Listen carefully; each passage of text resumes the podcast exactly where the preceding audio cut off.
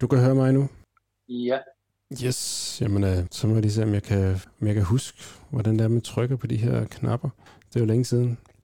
Jeg tror, det er der, så tror jeg faktisk, at vi er i gang.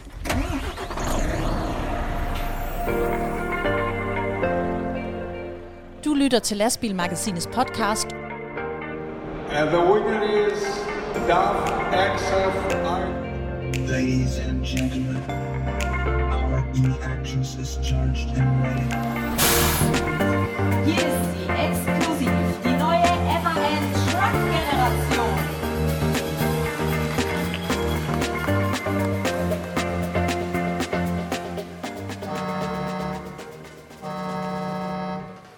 Ja, her har I os tilbage med Lastbilmagasinets podcast.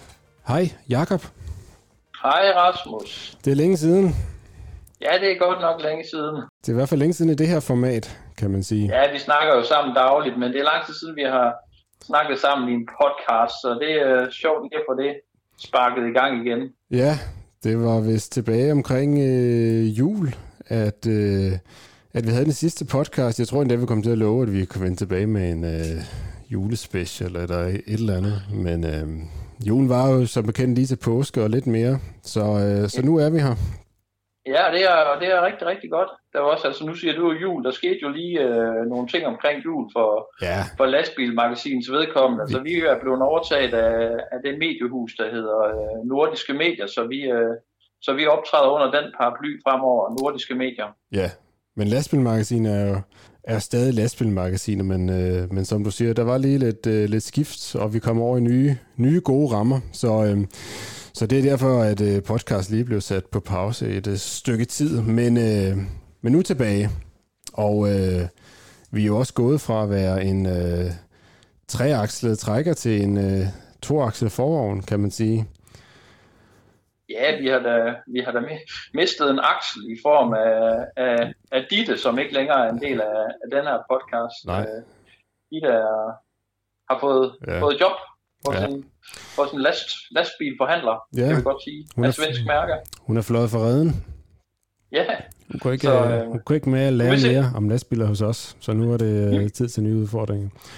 vi må se, om vi kan klare os uden hende. Ja, det kan være, vi, det kan være, vi støder på hende, eller skal have hende igennem på et tidspunkt. En eller anden relevant sag. Øhm, så, men øh, nu er det dig og mig sammen, men måske også kan høre lidt på lyden, så sidder vi jo ikke sammen i det gode gamle studie i Skanderborg. Vi, øh, vi optager sådan lidt over, over en telefonlinje lige øh, pt. Vi skal lige finde ud af, hvad præcis det tekniske setup bliver fremover for, for vores podcast øh, optagelse. Men øh, nu, nu kunne det ikke vente længere. Nu skulle vi simpelthen i gang med noget, med noget podcast. Og der er heldigvis også faktisk en del, der har spurgt til det, hvor vores podcast bliver. Så der må være nogen derude, som, øh, som sidder og hører på vores, øh, på vores vrøvlerier her på, øh, på lyd. Så øh, ja, nu skulle det være. Vi er i gang. Og det har jo været et forholdsvis øh, vildt halvår i transportbranchen. Det kan man vel godt, øh, det kan man vel godt tillade sig at sige. Ja, altså i, i de år, jeg har været på lastbilmagasinet, der har øh, der er der jo sådan flere gange undervejs, når, hvor vognmænd og chauffører har været stærkt utilfredse med et eller andet, der snak om, at nu skulle man lige øh, køre bilerne i garage i, en, øh, i et stykke tid og, og træde på bremsen, sådan så, så magthaverne og politikerne, de, øh, de kunne finde ud af, at det var alt for galt, hvad, hvad, de, hvad de gjorde og fik, fik vedtaget altså, gennem tiden. Og, og man kan sige her i løbet af det sidste halvår, der er der jo så lige pludselig blevet gjort, gjort alvor af, eller en, en lille smule alvor af, af truslen om at, om at spille bilerne fra sig. Det skete jo her i maj måned, da, da chaufførerne og vognmændene derude, de, øh, de lavede blokader ude ved, øh, ved de danske motorvejs tilkørsler. Jeg bor i, øh, i Stilling ved Aarhus, og de stod også nede på den lokale rampe hernede og, og, og lavede blokader. Jeg var ude og snakke med en, en, en vognmand fra Hobro-kanten, som var stærkt utilfreds med den her kilometerafgift for, for lastbiler. Så det var da det var det første gang i den tid, jeg har været på lastbilmagasin, hvor, hvor der blev gjort alvor, altså hvor der ligesom bevis noget, noget fælles fodslag om at, at sætte sig op mod noget, som man er utilfreds med. Ja, der var jo en overgang, hvor man nok troede, at det ville blive endnu vildere, end det, det så rent faktisk øh, endte med at blive. Der blev, der blev vel sådan et, et par dages øh, småkaos, nogle øh, øh, udvalgte steder rundt i, rundt i landet, men altså, der var jo i lang tid, man rent faktisk troede, at nu, øh, nu, nu skulle landet jo virkelig øh, lukkes ned for alvor, og man virkelig ville øh, få, få øh, virkelig, eller hvad skal man sige, få, øh, få vognmændenes vrede at føle ude i, i samfundet bredt set. Så helt så vildt gik det ikke, men der var der, det var der virkelig på dagsordenen i, øh, i nogle uger der, ja, som, du, som ja. du siger, især midt i maj. Præcis. Der var i hvert fald nogen af, altså den danske befolkning kom der til at kende til nogle af vognmændenes udfordringer og, øh, ja. og, og, og høre lidt om, hvad, hvad det er, de ser ind i med en, øh, med en kilometerafgift. Jeg, ja. tror, at det er, øh, jeg tror, at der er nogen, der har fået øjnene op for, at det måske ikke lige er så nemt igen at omstille sig til en, øh, til, til en el-lastbil, som man, kunne, øh, mm. som man kunne tro. Der er jo dels nogle udfordringer i forhold til, øh, til selve teknikken ved bilerne, og så er der jo det her med de manglende ladestander, og mm. Ja, det her med, at man skal ind og, og holde og, og, og lade op, og det går der også tid med. Så jo, jo, det er fint nok, at man får en, uh, får en afgift, uh, og man skal betale for at køre nogle kilometer i de lastbiler, der, uh, der, der forurener mest, men det er jo ikke bare sådan lige at omstille sig, som de siger, hvor man, vi vil jo gerne en grøn omstilling, men, uh, men, men, men vi skal jo også have muligheden for at gøre det, ellers så bliver det jo bare en ekstra skat, der bliver lagt mm. over på os, og så i sidste ende ryger videre til, til forbrugerne. Ja. Ja, som du siger, baggrunden det var jo den her forkædrede kilometerafgift, som jo altså endte med at blive vedtaget her i øh, øh 1. juni, var det vist, og øh, her lige øh, lidt senere i podcasten, så øh, regner med lige at tale med nogle af, af hovedpersoner, eller, eller i hvert fald nogen fra, fra branchen, som har øh, nogle, nogle holdninger til den her sag, og komme lidt øh, dybere ned i det. Men det var i hvert fald, hvis man skal tage en stor overskrift fra, øh, fra første halvår af, af 2023 i transportbranchen, så har det i hvert fald været den her så har det i hvert fald været den her vejafgift, øh, som man nu kan se frem til. Den vender vi lidt mere tilbage til lige om lidt. Og når vi snakker vejafgift, så kunne man jo tro, at, øh, at alle danske vognmænd bare er, er modstandere af den her kilometerafgift. Men der findes jo også folk, som mener, at det her det er den rigtige vej at gå, at det her det, øh, det vil sætte en udvikling i gang. Hmm. Så øh, de, ja. de findes også, og dem har vi også talt med gennem tiden. Ja. Og ellers så var det jo øh, et halvår, hvor øh, elektrificering så har fyldt, øh, har fyldt meget, masser af snak. Øh, vi var på øh, transportmæssig Herning her i april, øh, begge to, Jakob, og der, der var jo selvfølgelig også øh, el og nye drivlinjer og sådan noget på dagsordenen alle steder, blandt andet, men der var der også øh, flere andre ting på plakaten, men det er jo det, der, det, der har fyldt rigtig meget. Ja, man kan sige, at det grønne tema var jo også ligesom en overordnet overskrift for, øh, for årets transportmesse over i, øh, over i Herning. Så det er helt sikkert det, der fylder, og især den her overgang til, til elektriske lastbiler, det er jo også noget, der kan få, mm. få folk op i, øh, i det røde felt, udover det er, er, er kilometerafgiften. Jeg ved jo, Rasmus, du lige har skrevet en leder om det her, om den her elektriske brede, ja. som man ser blandt chauffører og vognmænd, så snart man nævner ordet, øh, ordet el-lastbil. Det, er, det, er nogen, der, det er noget, der kan få, få nogen til at se rødt i hvert fald. Ja. Det, det er klart, al forandring er jo, er jo svært. Det er jo, øh, det, ja, man har jo hørt det mange steder folk sammenligne det her med, at uh, den her forandring transportbranchen står overfor. Det er sådan den største omvæltning, siden man gik fra, fra hestevogne til uh, forbrændingsmotorer for mere end 100 år siden efterhånden. Uh, og det, det er nok ikke, det er jo ikke helt skævt, at det er sådan en forandring, man ligesom står over for, i hvert fald rent øh, teknologisk. Så der er ikke noget at sige til, at det er svært at få, få helt begreb om, hvad det egentlig er, der foregår. Det er det sådan set også for os, der, der, der arbejder med det og har det, det, det, det privilegium at kunne være helt tæt på, på øh, fabrikkerne og, og de nye øh, lastbilmodeller, når de præsenteres. Øh, og, og har adgang til det, alligevel så er det, er det stadigvæk svært at forstå, hvor, hvad vej det helt præcis kommer til at gå i de, i de kommende år. Så, øhm, så der er ikke noget at sige til, at det er, det er et, øh, et emne, der virkelig optager folk, både på den ene og den anden måde ja, man kan sige, det har jo været emnet de sidste halve år, siden vi, vi, vi sendte vores sidste ja. podcast. Det er det her grøn omstilling, ja. kilometerafgift, elektrificering. Det er rigtigt. Og så er vi øh, så er transportbranchen gået til filmen. Jakob, vi har snakket om det før. En ny trokkerfilm. Ja. Det var oh, jo ja. her i... Uh... Hallo.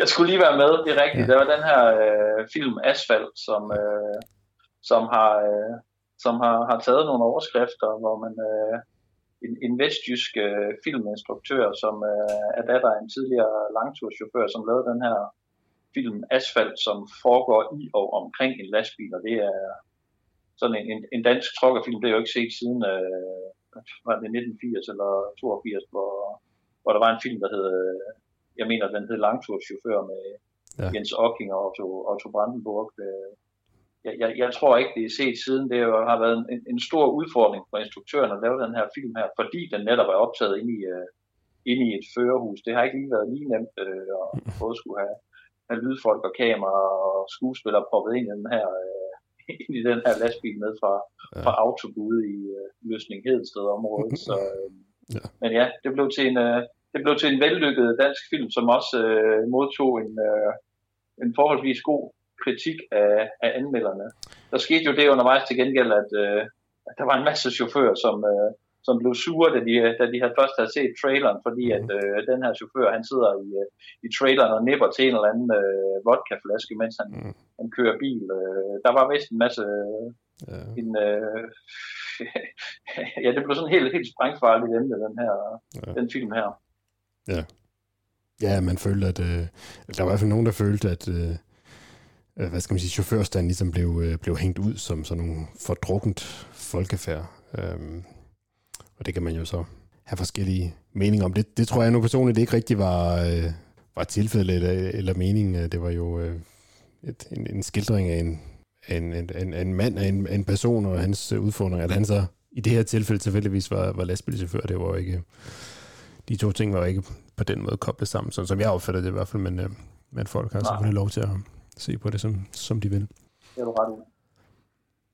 Jamen altså, øh, som sagt, der er jo masser af, af, af ting og emner, man kunne, øh, man kunne dykke ned i, som er sket det sidste halve år, så der er jo masser i hvert fald af ting, vi sikkert kommer til at følge op på i, øh, i kommende podcasts øh, her i, øh, i de kommende uger og måneder, når vi øh, nu, som sagt, er tilbage, og hvis øh, nogen synes, at lyden knaser lidt, så øh, lover vi, at vi nok skal arbejde på at finde et, et endnu bedre lydmæssigt setup til at kunne rulle, rulle podcasten videre fremover, men indtil videre, så, så kører det sådan lige lidt øh, håndholdt over en, øh, en, en telefonforbindelse her, så, så prøver vi lige at finpudse konceptet her øh, fremover, men øh, håber det i hvert fald, at man har kunne høre, hvad, hvad du sagde, Jakob. Jakob, du står med det ene ben øh, på vej på, øh, på ferie. Øh, Ja, du skal til på vej med, med det ene ben ud på den tyske autobahn. Ja, Det er, øhm, det er, det er sommerferie for mit Ja. vedkommende her lige om lidt. Ja. Jeg ved, du har været i Italien, Rasmus. Ja. Og øh, ja, jeg er på vej ned til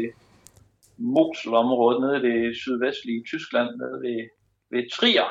Ja. Folk, der har kørt sydover, de kan nok huske øh, Ja. det her flotte område. Vi, Ja. har, vi har kørt igennem en gang på en tur til Frankrig, men vi har aldrig, øh, vi har aldrig kørt af autobahn dernede, og det, øh, Nej.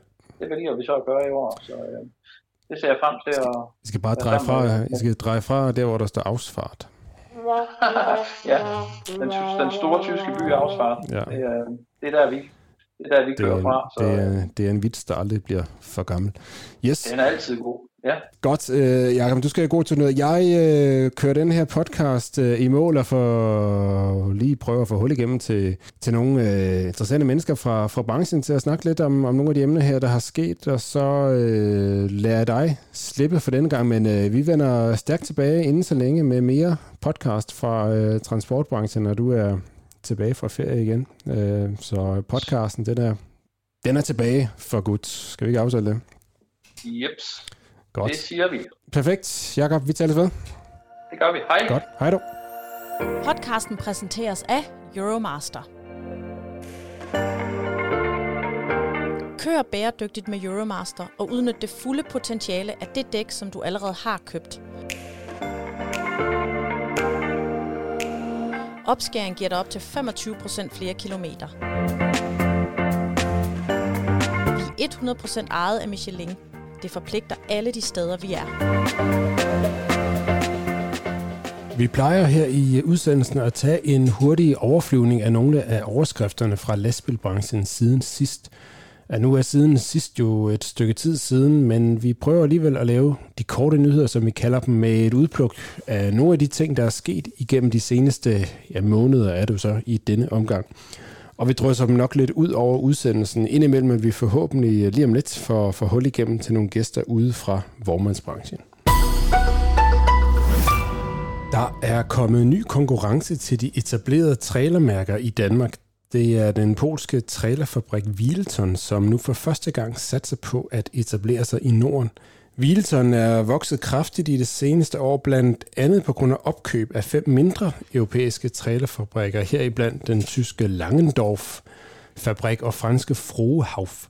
Til at slå igennem i Norden, der har Wilton indgået samarbejde med den rutinerede trailermand Kim Åskov, som har fået ansvaret for at sælge Wilton i Danmark og i de øvrige nordiske lande. Og de første Wilton-trailer, de er allerede rullet ud på danske nummerplader. Det danske lastbilmarked det har ikke bare syv, men nu otte store lastbilmærker til at kæmpe om vognmændenes gunst. Ford Trucks de lancerede på Herningmessen i april sit indtog i Danmark, og det er den sjællandske lastbilkoncern HEJ Group, der har indgået salgs- og serviceaftale med den tyrkiske lastbilfabrik. Salget det skal ske gennem selskabet Ford Trucks Danmark, som har base i Ringsted, og øh, servicenetværket det er ved at blive rullet ud flere steder i landet. Ford Trucks det er jo en del af den her Ford Otosan-koncern, som så igen er ejet i fællesskab af den tyrkiske KOK, KOC-koncern og amerikanske Ford Motor Company. Flagskibet, det er trækkeren Ford F-Max, som man jo nok har set på, øh, på vejene rundt omkring, og øh, det er allerede lykkedes at få leveret 15 styk af den tyrkiske topmodel til danske kunder. I hvert fald hvis vi ser på registreringstallene opgjort den 30. juni. Hvis du i stedet for leveret en ny MAN, så er den højst sandsynligt made in Poland fremover. MAN Truck Bus de har nemlig for nylig gennemført en øh, ret enorm udvidelse af sin fabrik i Krakow, som fremover kan producere 300 køretøjer og førerhuse om dagen. Tre ud af fire nye tunge MAN-lastbiler de skal fremover laves i Polen, mens fabrikken i München, altså hvor MAN jo stadigvæk har, har hovedsæde, Fabrikken i München er i første omgang der, hvor MAN i dag vil bygge sine elektriske lastbiler, som jo altså indtil videre stadigvæk er i et begrænset antal. Podcasten præsenteres af Allison Transmission. Allison Transmission er verdens største producent af fuldautomatiske gearkasser til blandt andet lastbiler. Med en Allison gearkasse er du sikret jævne gearskift, brændstofeffektiv kørsel og optimal chaufførkomfort. Vil du have mere inspiration til, hvordan du kan opnå maksimal driftstid og lavere omkostninger med både traditionelle og alternative drivliner, så gå ind på studioallison.com og se en række spændende film og demonstrationer. Og ja, der er ikke nogen vej uden om det. Vi skal tale lidt mere om den her forkædrede vejskat. Fordi kilometerafgiften, den blev jo vedtaget som øh, forudsagt og frygtet af branchen, så vognmand og formand for ICD, John Skorup. Hvad nu? Jamen det er, som du siger, vi, det gik jo som vi frygtede. Regeringen de havde besluttet sig, og de havde jo et stærkt flertal i ryggen med den øh, røde del af oppositionen. Så vi må jo bare forlade os på igen, at vi skal være skatteudskriver for regeringen, og så sende øh, regning til forbrugeren, og så håbe på, at vi kan få alle pengene hjem, for ellers så kommer det til at rulle hoveder. Mm. Og hvordan ser du udsigten til at kunne gøre det? Det er jo svært. Altså, jeg håber jo på, og det er jo også noget, vi arbejder på som forening, at vi øh, ligesom kan øh, være med til at klæde vores medlemmer øh, så godt på som overhovedet muligt, således at, øh, at de kan få det regnet ordentligt igennem. Fordi der er mange, der siger, at det er jo let, vi kender det der vejskat, og øh, det, det er jo ikke noget problem. Men det er bare ikke så let endda. Altså, fordi det er jo svært for de der, for eksempel dem, der kører, øh, hvad skal man sige, mange pakker ud, altså fragtmænd eller øh, sådan noget smålogistik, hvor, hvor du godt kan måske have 15-20 steder på en dag.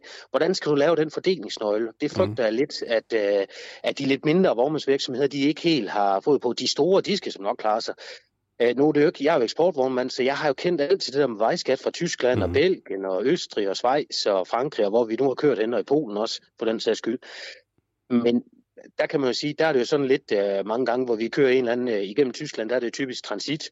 Mm. Uh, og der er det de store speditører, der ligesom har lavet den der fordelingsnøgle, og de har jo et kæmpe setup til at mm. klare det der. Men den enkelte lille vognmand, han har bare ikke det samme setup, øh, så det frygter jeg, at det bliver lidt, øh, mm. lidt et problem.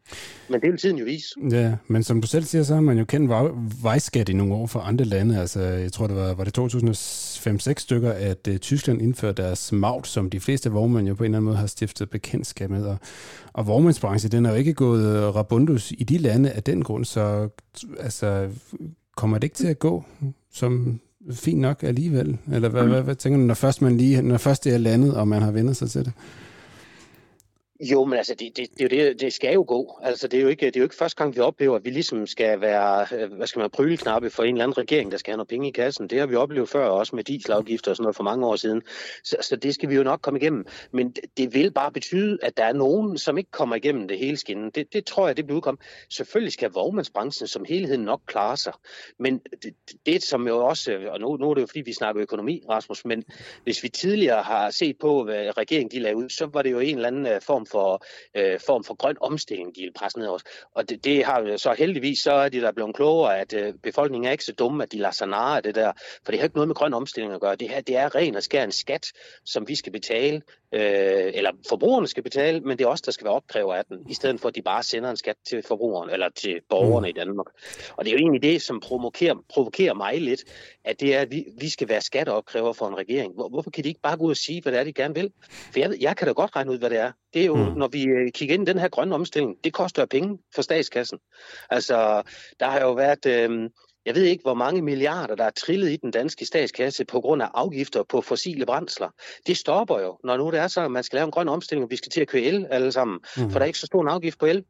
Øh, og i og med, at man kan se, at øh, personvognsbilismen, de har taget godt imod det der elbiler, så mangler der stats, eller afgiftskroner i statskassen. Og det er jo det, det er så, vi skal samle op. Og jeg tror bare, det her det er jo første skridt på vejen. Øh, den danske befolkning, de skal se ind i, at øh, den der kilometerafgift, den kommer også til at gælde for personbiler på et tidspunkt. Vi er bare mm. prøveklud. Ja.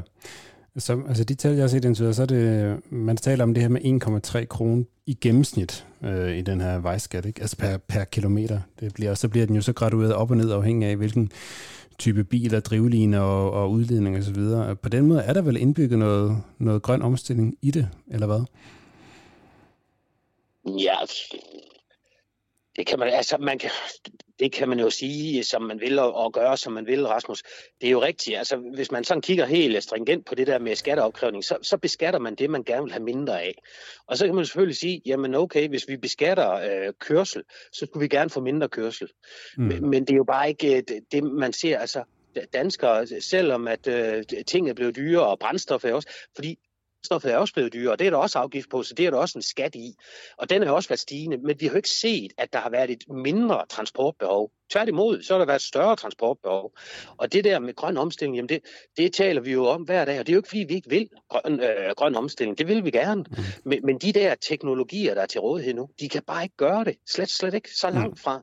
Altså de der el-lastbiler, jeg, jeg blev egentlig lidt trist øh, over, at de sidder og taler som om, at nu er det den evige, øh, eller den hellige gral er velforvaret, hvis vi bare kan køre el-lastbiler alle sammen. Men det kan vi jo bare ikke. Det er jo mm. langt fra, at vi alle sammen, det, det er jo et fortal, der kan køre el-lastbiler. Mm. Øhm, så, så der er lang vej igen. Og der tænker jeg bare, der, der bliver jeg også lidt ærgerlig nu, fordi jeg har faktisk en, øh, fra ITD side, både vores politiske afdeling, jeg har også selv været med til adskillige møder med de her kære politikere, og der har jeg sagt til dem, det er jo ikke noget, vi gør i Danmark alene. Vi bliver nødt til at være bredere. Altså, når nu vi er medlem af EU, så skal vi jo bruge det medlemskab til at at gøre noget for, at vi kan øh, formindske vores øh, fossile øh, brændstofforbrug. Mm. Det gør man jo ved, at man får hævet nogle vægtgrænser og får gjort det, øh, eller i hvert fald gjort det bedre tilgængeligt for modulvogntog på tværs af europæiske landegrænser. Ja. Og der er selvfølgelig kommet et udspil fra EU her, er det for 14 ja. dage siden eller sådan noget. Ja, de, men, men det er de 44 ton, ja. Ja, men det batter jo ingenting, Rasmus. Det batter jo ingenting. Så ved jeg godt, at der er noget med broer, der ikke kan holde og sådan noget der. Men jeg sidder jo bare og tænker på, at vi må veje 40 tons med et internationalt vogntog i dag på fem aksler. Det er 8 tons per aksler. Så kan man sige, ligesom vi i gamle dage har haft 6 aksel vogntog i Danmark, der må veje 48. Kunne man så ikke godt på 48 tons med 6 aksler totalt? Således at vi kunne få nogle køretøjs øh, mm. specifikationer, ligesom vi har i Norden, hvor man så kan læse 8 tons mere totalt på alle vogntog i hele Europa. Mm. Det er kun tysk, stort set kun Tyskland og Østrig, der, der ligesom uh, bremser det der. Fordi mm. italiener, der må du også godt købe veje mere med seks aksler. I Holland må du også godt. Jeg tror faktisk også, du også må i Belgien. Jeg, jeg er ikke helt inde i de der nationale nej. regler på de der Nej, nej. store vogntog. Det er også rimelig men, men der, der var jo der kan man jo tale om lavt hængende frugter. Ja. Fordi så vil det jo bat noget. Fordi det der er problem, det er jo med de der modulvogntog, dem kan du ikke køre med alle steder. Det er jo kun øh, nogle linjebiler, der går fra lad os sige, fra Aarhus til, øh, til Køln, eller Hamburg, eller til Rotterdam, eller Amsterdam, eller hvor det nu er henne. Og det er også fint nok, at man kan fylde noget på der. Men det skal jo også være således, at du kan køre ud til og, og lave, lave en direkte levering. Det er jo det, der er bat noget. Mm. Ja. Hvis vi nu, øh, nu, nu kan man sige, øh, fra branchens side, så man kan sige, man, man tabte jo lidt kampen om den her kilometerafgift, i hvert fald hvis man håbede på, at den ikke skulle vedtages i den her omgang, men, og der er jo så omkring øh, halvandet år til den træder i kraft. Altså, hvad er der, er, er der flere ting, man her sådan rent øh, branchepolitisk kan arbejde på at påvirke? Altså, udover, den er jo, den er jo vedtaget, men der er jo, ja, er, er, er der nogle knapper, man stadigvæk kan håbe at, at, at, at trykke på i, i forhold til, øh, inden den bliver rullet ud? Jamen altså nu, det, det der er i det, det er, det, det er jo sådan noget specifikt system, de har lavet, så, så det er jo sådan set, det er jo, det er jo Sund og Bælt, der skal stå for det der system, eller opkrævning af det, eller hvordan, hvordan det er. Og dem ved jeg, det, det har folk fra ITD, vi har haft nogle møder med dem, og det er jo, fordi vi vil jo gerne prøve at være behjælpelige med, at vi får et system, som er så godt som muligt, og så let, øh, hvad skal man sige, integrerbar som muligt. Øh, og der har vi jo øh, en masse erfaringer, fordi vi gør rigtig meget i vejskatter i hele Europa, så vi kender stort set alle de systemer. Så det vi kan håbe på, det er jo, at de vil lytte til vores anbefalinger. Øh, det, det kan vi jo ikke vide øh, eller være sikre på, at de gør. Men vi har i hvert fald kommet med vores anbefalinger til, hvad det er for et system, man skal sætte i søen, øh, eller købe, eller få lavet, eller hvad det er, man vil. Jeg kan håbe på, at de bare vil købe sig til et system, som allerede fungerer i dag. Mm. Fordi ellers så frygter jeg lidt, at vi skatteborgere, vi igen skal se til, at vi får et eller andet IC4-projekt, eller noget uh, IT, eller skats IT-system og sådan noget der. Og så tror jeg, der, så kan man sige, så kan det være, at vi er så heldige som vognmænd, at vi ikke uh, lige skal opkræve den der vejskat uh, den dato, de har sagt, for så er jeg ikke sikker på, at de bliver klar til tiden, hvis de selv vil finde på noget. Mm. Um, men det, det er jo ikke sådan, vi har ikke vetoret på noget, men minister, både skatteminister og transportminister, de har jo tilkendegivet og lovet, at vi vil blive inviteret til opfølgende møder frem imod implementeringsdatoen. Mm-hmm. Øhm, og der har været et møde, hvor der så også ligesom, jeg synes, de kommer os lidt i møde, slet slet ikke det, vi har håbet på. Der var nu heller ikke nogen, der havde drømt om, at vi kunne få afskaffet den kilometerafgift, men vi fik jo da noget med, at de ville kigge lidt på de der øh, mål og eller ja, vægt- og dimensionsgrænser. Og der, der kommer noget, de har sat til speedet det lidt op. Ja. Så må vi så håbe, at det ikke går så stærkt, at uh, det bliver sådan noget halvfærdigt arbejde. Mm. Og at de så vil lytte til os brancheorganisationer, så vi får det lavet ordentligt fra start af. Ja. Ja. Hva, hva, nu kører du jo selv internationalt og har jo erfaring med både Maut og Vejskat i andre lande, altså sådan den rent lavpraktiske del af administrationen. Altså, hvad, er der nogle ting der, der er, der er bedre end andet, eller noget, man skal lade sig inspirere af, noget, man ikke skal, bestemt ikke skal, skal ja, kopiere der? Det, det er der. Altså det, og det, så, så kan man sige, at tyskerne de havde også noget, noget startvanskeligheder med deres uh, MAUT-system, men i dag der er det bare det, der klart fungerer bedst, uh, og det er lettest uh, håndterbart for, for den enkelte bruger, og det er egentlig også det, der har den letteste adgang, hvis du skal ind og ligesom at kigge på, hvad du har forbrugt, således at du kan sende en regning videre. Uh, så min klare anbefaling, og det ved jeg, det har det også været fra ITD's side, det er klart at kigge på den tyske model alt det der i Belgien og i Polen og sådan noget, det skal man holde sig langt, langt fra. Det er mm. simpelthen så biokratisk. Okay, okay. Er det i forhold til, hvordan man ligesom skal fakturere, eller hvad er det, der... Ja, det er både, der nu i Belgien, der, der kører de sådan lidt, det er fordi, der er forskellige regioner i Belgien, så der er faktisk også forskellige priser på det. Så er der noget, der er momsbelagt, og noget, der er momsfrit, og mm. det, er, det er noget hus. Og så, er det lidt svært, der kan du ikke... Øh, i hvert fald de den måde, jeg har brugt det på, øh, der kan du ikke sådan lige gå ind og se dit forbrug øh, med det samme. Det kan du på det tyske system. Hvis du har en konto nede hos dem, så kan jeg rent faktisk gå ind og se, så snart bilen er kørt turen, hvad vi har forbrugt øh, i vejskat. Mm. Så det er sådan nogle, men det er jo ikke, altså... Mm. Nej. Nej. Der vil, højst sandsynligt så vil der blive lavet en eller anden fordelingsnøgle på, hvad, hvad det koster, fordi man ved jo sådan nogenlunde, og der er rigtig mange store speditører i dag, øh, og fragtudbydere, de kører jo på en eller anden form for kilometerafregning, øh, eller computerkilometerafregning, mm. så kan de jo sidde og tage ind, men der er det så igen, min bekymring, det er så den enkelte lille vognmand, som skal køre turen for speditøren, så det er ham, der bliver sorte i det spil, mm. Rasmus, og det, det håber jeg jo ikke jo, for jeg er vognmand før en alt Ja. andet. Ja, præcis. Præcis. Altså, en, nu, øh, det som det hele udspringer af, i hvert fald officielt, det er jo det her med at skubbe branchen i retning mod de mere grønne løsninger. En måde, nu vi snakker om MAG, en måde, du for eksempel helt kunne slippe for at, at øh, betale MAG, det var jo at køre i en, i en el-lastbil. Så nu ved ikke, om du, og jeg ved ikke, om du stadigvæk kører med sådan nogle kylderyller. Altså sådan en el-lastbil, der findes af, de kan jo sagtens trække, øh, det, det er jo relativt let, let gods. Øh, Så, så er du selv begyndt at at tænke i alternative drivliner i din egen vognpark? Hvad har du, 3-4 lastbiler? Ja, nej, men det, det er jeg ikke, øh, Rasmus, fordi det er rigtigt nok, at det er jo ikke tungt, det vi kører med, men vi kører lange afstande. Altså, nu ved jeg jo allerede, hvad jeg skal lave næste uge. Og der har jeg to ture til den sydlige ende af Holland. Det vil sige, at jeg skal køre fra jer letter fra begge af, øh, og så til jeg frem ved modtager. Der skal jeg jo køre 700, mellem 710 og 740 kilometer. Øh, det, det går ikke med en ellers-bil. Så det er der Mm. ikke tid til. Og så er det jo igen med dyretransport, der er der jo noget, der hedder leveringsterminer, altså hvor lang tid vi må have dyrene ombord øhm, på bilen. Så det er slet, slet ikke noget, vi gør i. Og, og ja, det er faktisk også noget, jeg har drøftet med min kunde, og det er heller ikke noget, de kigger på, fordi det er simpelthen ikke, øhm, hvad skal man sige, det, det er ikke leveringssikkert nok. Altså vi, det, det sidste, vi har behov for, det er, at vi lige pludselig holder et eller andet sted, og bilen ikke kan køre mere. Øh, og vi ikke ved, hvordan vi får den ladet op, så vi kan komme til at køre. Mm. Fordi det næste, det er jo så, det er jo fint nok, at jeg måske kan køre herfra så til Hamburg, men er der en ladestander i Hamburg? Og er der Mm. plads til, at jeg kan komme til at få ladet op, når jeg kommer derned? Mm. Det er næste. Jeg, jeg sidder i klimaudvalg i øh, Vejen Kommune, og Mm. mm. der um, sidder vi og drøfter meget det der med grøn omstilling, og der har de også kigget rigtig meget på transport, fordi Vejen Kommune er faktisk en stor transportkommune.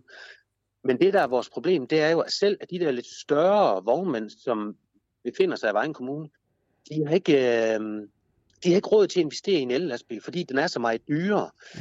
Det, der er i det, en ting, det er, hvis det bare var mere prisen, og så man kan sige, at man kunne bruge den på samme måde som en diesellastbil, Mm. så kunne det egentlig godt være, at det kunne give mening. Men det kan man ikke. En diesellastbil, hvis du tanker den op, bare en, almindelig sådan standard DK-trækker, den har jo måske 550, eller i hvert fald mellem 500 og 600 liter dieselolie på. Så tanker du det op. Så lad os sige, at den kører med store læs, så kører den 3 km i snit. Den kører måske endda 3,3 eller 3,5 her i Danmark, men lad os bare sige 3, det er let at regne med. Så kan den køre mellem 15 og 1800 km, inden den skal optankes igen. Og det tager cirka 8 minutter at fylde sådan en tank. Ja. En el-lastbil, den kører 300 km, så skal den lade i to timer. For det, der er vores problem, der er ikke ret nogen af de der supercharger endnu. Mm. I forbindelse med det klimaudvalg, jeg sidder i, der sidder der, der er en repræsentant for Energinet Danmark. Og så spurgte jeg lidt ind til, fordi det er jo i hvert fald det, vi har fået oplyst, eller vores medlemmer har fået oplyst, når det er sådan, de rent faktisk prøver at kigge ind i det der med ellastbiler. Mm. Der er ikke strøm nok i de kabler, der ligger ude ved de enkelte virksomheder. Der er heller ikke øh, strøm nok i alle regioner i Danmark. Hvis du for eksempel tager Lolland Falster, og du vil sætte sådan en supercharge op dernede, det kan ikke lade sig gøre, for der er ikke strøm nok til at føde den. Det samme i Nordjylland. Vendsyssel. Øh, der er et af vores medlemmer, der er bosiddende i Jørgen. Jamen, han har fået at vide, det er da fint nok, men hvis du sætter dine lastbiler til opladning, der, så slukker alt strømmen i Jørgen by, så er der ikke nogen, der kan bruge strøm deroppe. Så det er jo igen det der med, hvad kom først, hønen eller ægget? Mm. Jeg tænker bare sådan lidt, hvis de os til at køre på det el der, et, så skal de jo sørge for, at ladeinfrastrukturen den er rullet ud, inden vi kan begynde. For der er ikke nogen, der har lyst til at investere ind i noget, som der ikke er sikkerhed for at kan køre hver dag. Mm. Fordi det er jo det næste, det er en diesel-lastbil. Jeg regner ud, den kan vi sætte til at køre i toholdsdrift. Fordi der, er- lastbilen ingen kører hviletid. Den, den kan jo køre fra nu af, og så til tid og evighed, hvis du bare har folk nok til at bytte rundt på den, Rasmus. Ja. Det kan du ikke med en ellastbil, for den skal have nogle pauser for at lade op. Mm. Det gør også, at timeprisen eller enhedsprisen for en ellastbil, den er markant dyrere den dag i dag. Og det er simpelthen på grund af, at den ikke er lige så effek- effektiv som en diesellastbil, Mm. og heller ikke lige så fleksibel. Ja, det er, det er lange udsigter endnu med at få det, øh, få det rullet ud. Um, men øh, i hvert fald så øh, på, på kort sigt, så er der stadigvæk arbejde at gøre for, for dig og dine kolleger i, øh, i branchen med at forberede øh, branchen og politikerne og myndighederne på øh, den her kilometerafgift, som kommer øh, januar 2025. Så øh, indtil da, øh, John Skorp, øh, tak fordi du var med her, og øh, held og lykke med at få få skubbet implementeringen i den, i den rigtige retning frem til, at øh, vejskatten den, den rammer os. Jo tak, Rasmus, men jeg håber, at jer fra Lastbilmagasin og andre transportmedier, I vil hjælpe os på vejen, fordi det, det er ikke altid lige let for os øh, organisationer at få, øh, få de der politikere til at lytte til os. Så hvis nu at vi kommer med en, en samlet stemme øh, fra transportbranchen af som helhed, både transportmedier og, og organisationer, så kan det være, at vi står lidt stærkere. Så det vil jeg håbe, I vil hjælpe os med. Bestemt, det vil vi. Podcasten præsenteres af Euromaster. Euromaster hjælper dig der, hvor du har brug for det. Vi har breakdown service døgnet rundt. Ring altid på 70 20 03 03, så får vi dig videre på stedet i hele Europa.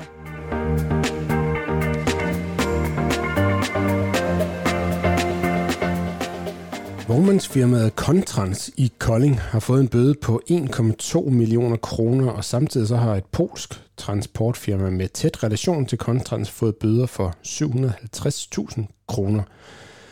Contrans' hovedkvarter i Kolding blev renset tilbage i september 2022 af Sydøstjyllands politi, og aktionen viste ifølge politiet, at ca. 50 chauffører var i gang med at afholde det regulære ugevil i køretøjerne hvilket jo er forbudt, ligesom der også var bøvl med kapotagereglerne i flere tilfælde. Det resulterede altså i en samlet bøde på næsten 2 millioner.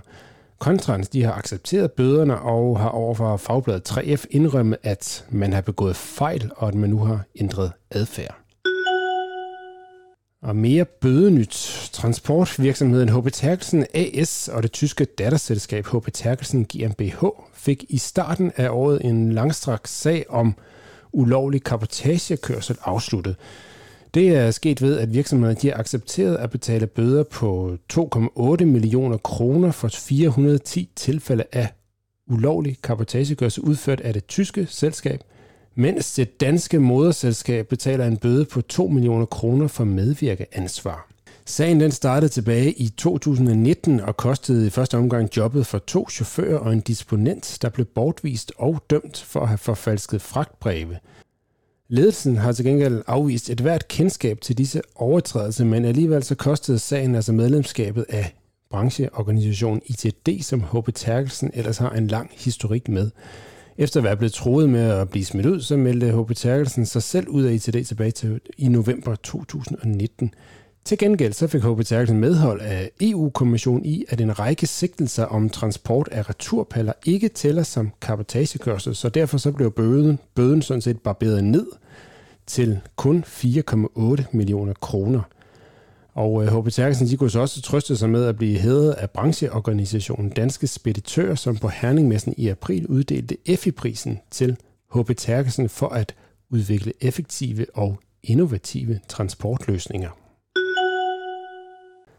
Mercedes er på vej med en elektrisk trækker til langdistancetransport. Prototypen den kunne vi alle sammen se på IAA-messen i efteråret 2022, og nu har den også fået sit officielle navn. Og hvad skal barnet hedde? Ja, det bliver e-Actros 600, og navnet det dækker over batterikapaciteten målt i kilowatt-timer, ligesom vi i forvejen kender det fra e-Actros 300 og 400, som allerede er gået i produktion til distributionskørsel. Mercedes e-Actros 600 den vil få en rækkevidde på omkring 500 km på en opladning og være klar til såkaldt megawatt-ladning, som gør det muligt at lade batterierne fra 20 til 80% på under en halv time. Vi får bilen i dens endelige design at se til oktober, og produktionen skal starte i 2024.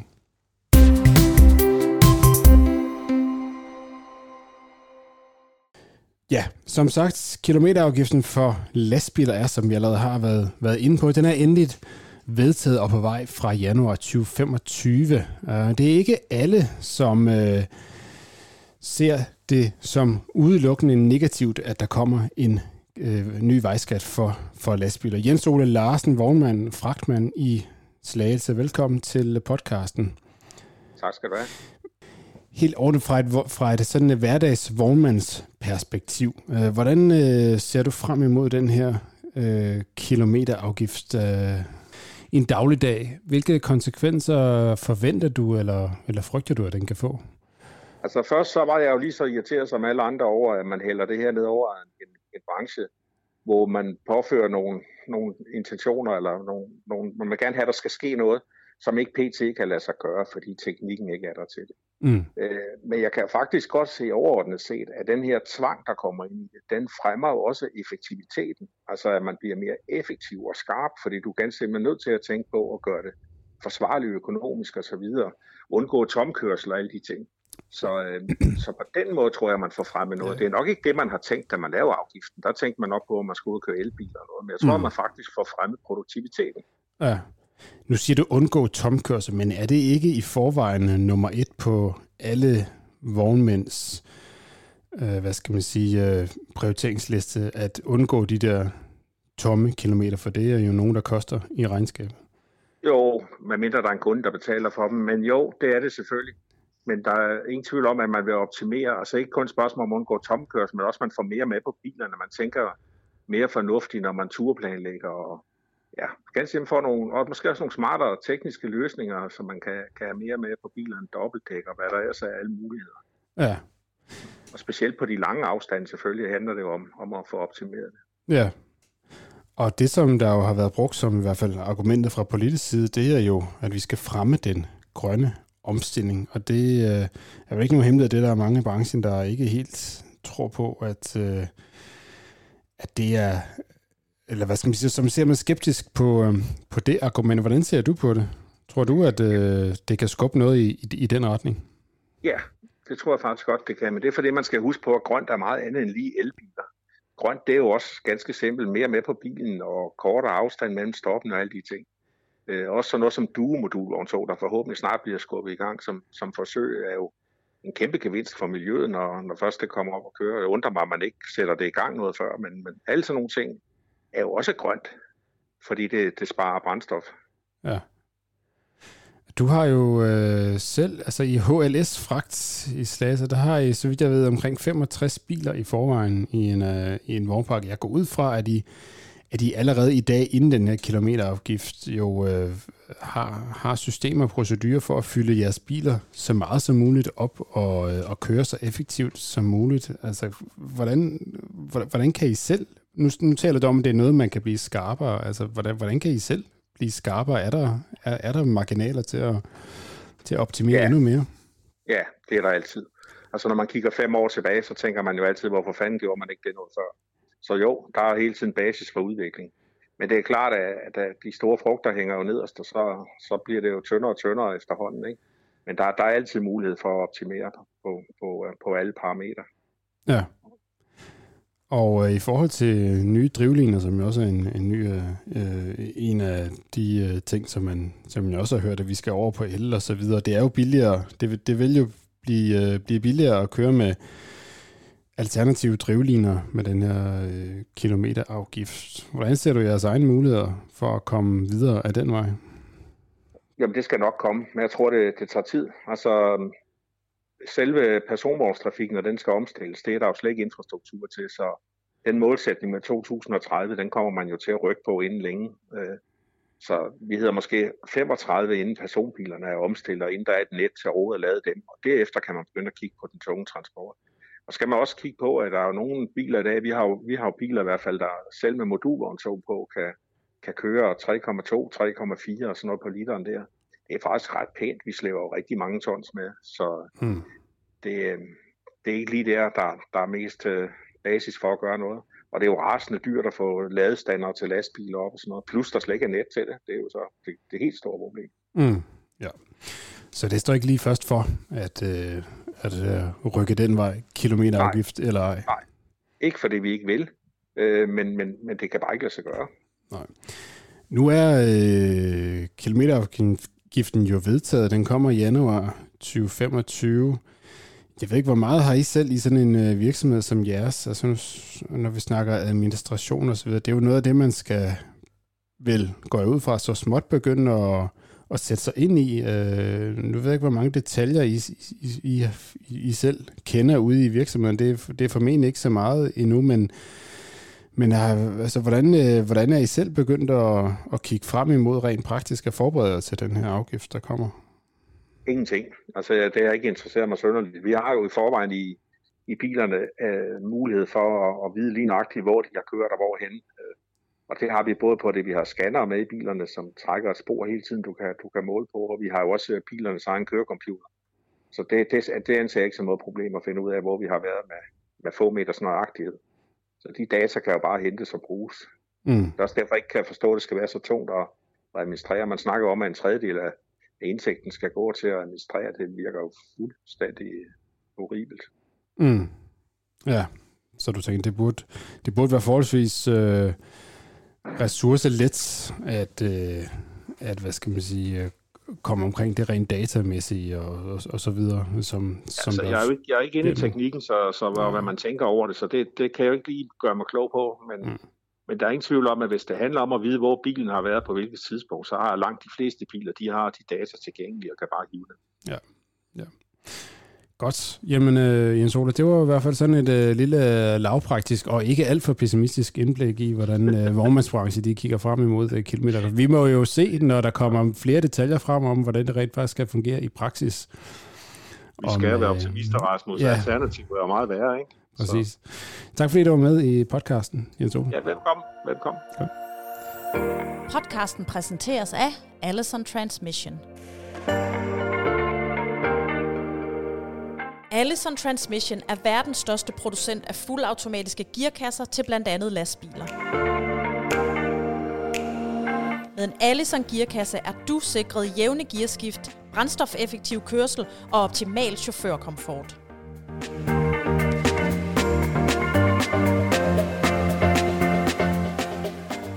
Renault Trucks de har lanceret en opdatering af de tunge lastbilserier. Herhjemme der drejer det sig om T- og C-serien, og nu kan chauffører i disse modeller fremover få glæde af et nyt digitalt cockpit, samt en række forbedringer af forskellige sikkerhedssystemer og noget komfort i førerhuset.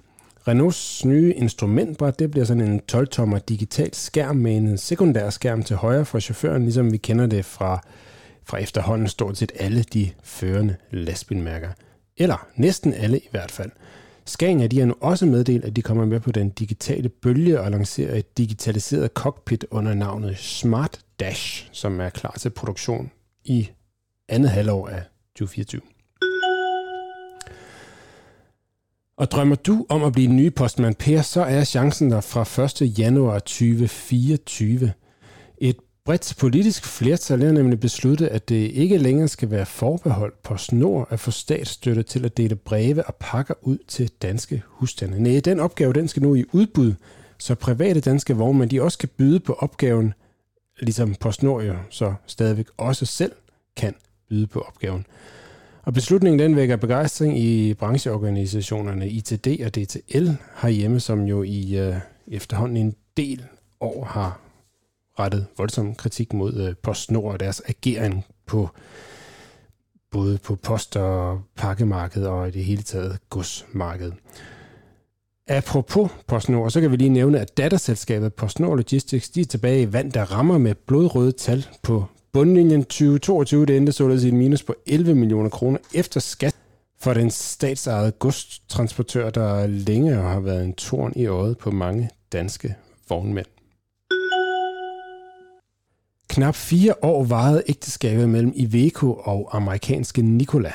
Planerne de var store tilbage i 2019, da Nikola og Iveco de lancerede deres samarbejde om udvikling og produktion af elektriske lastbiler med både batterier og brint som brændstof.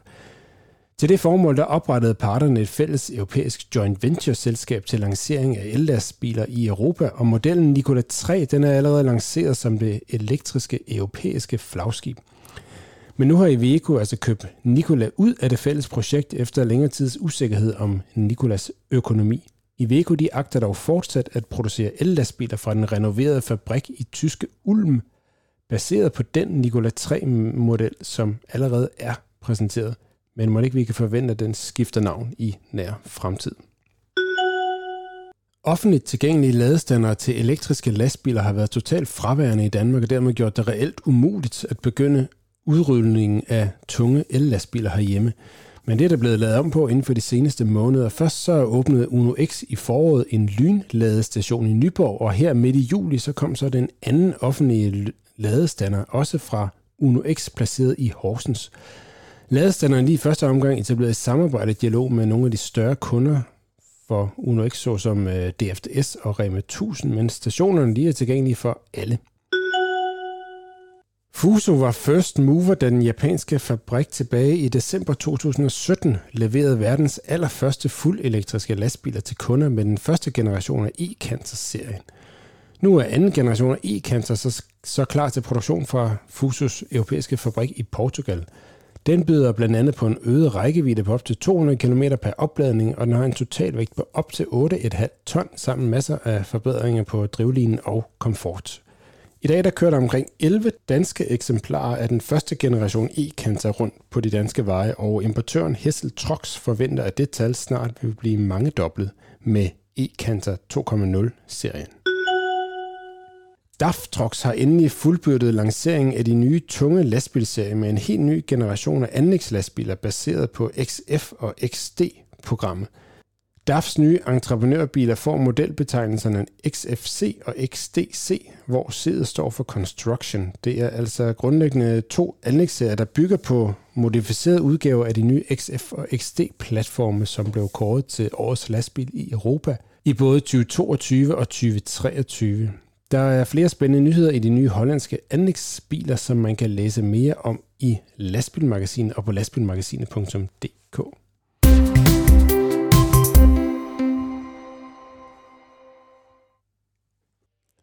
Ja, det var det.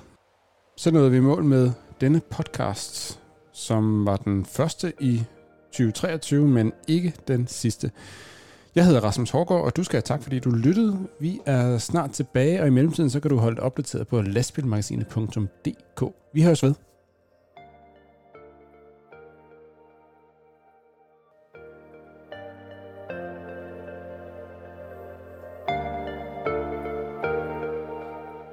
Lyttet til Lastbilmagasinets podcast